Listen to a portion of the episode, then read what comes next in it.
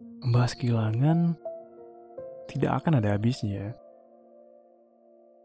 Kamu mungkin saja bisa bosan mendengarkan semua ini.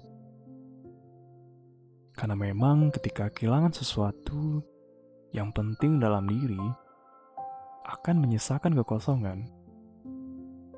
Atau pada kondisi tertentu bisa memberikan luka dari kekecewaan. Pada kasus terburuk, membuat seseorang merasa tidak berdaya,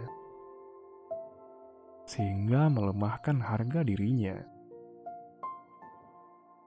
Bagaimana jika sekiranya yang hilang tidak akan terganti, yang pergi tidak akan kembali?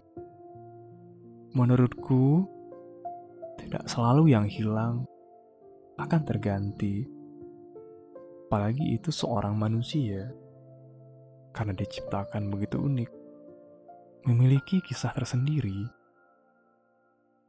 yang kita hanya bisa memaknai ketika masih membersamai. Belajar dari hal itu,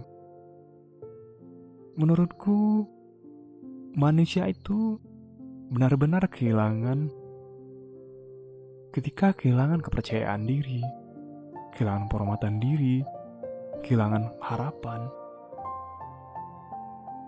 Jika sudah sampai titik ini, seseorang kehilangan dirinya sehingga bisa tersesat. Ini adalah kehilangan terbesar dan paling menakutkan bagi anak manusia. Terkadang kita tidak pernah menyangka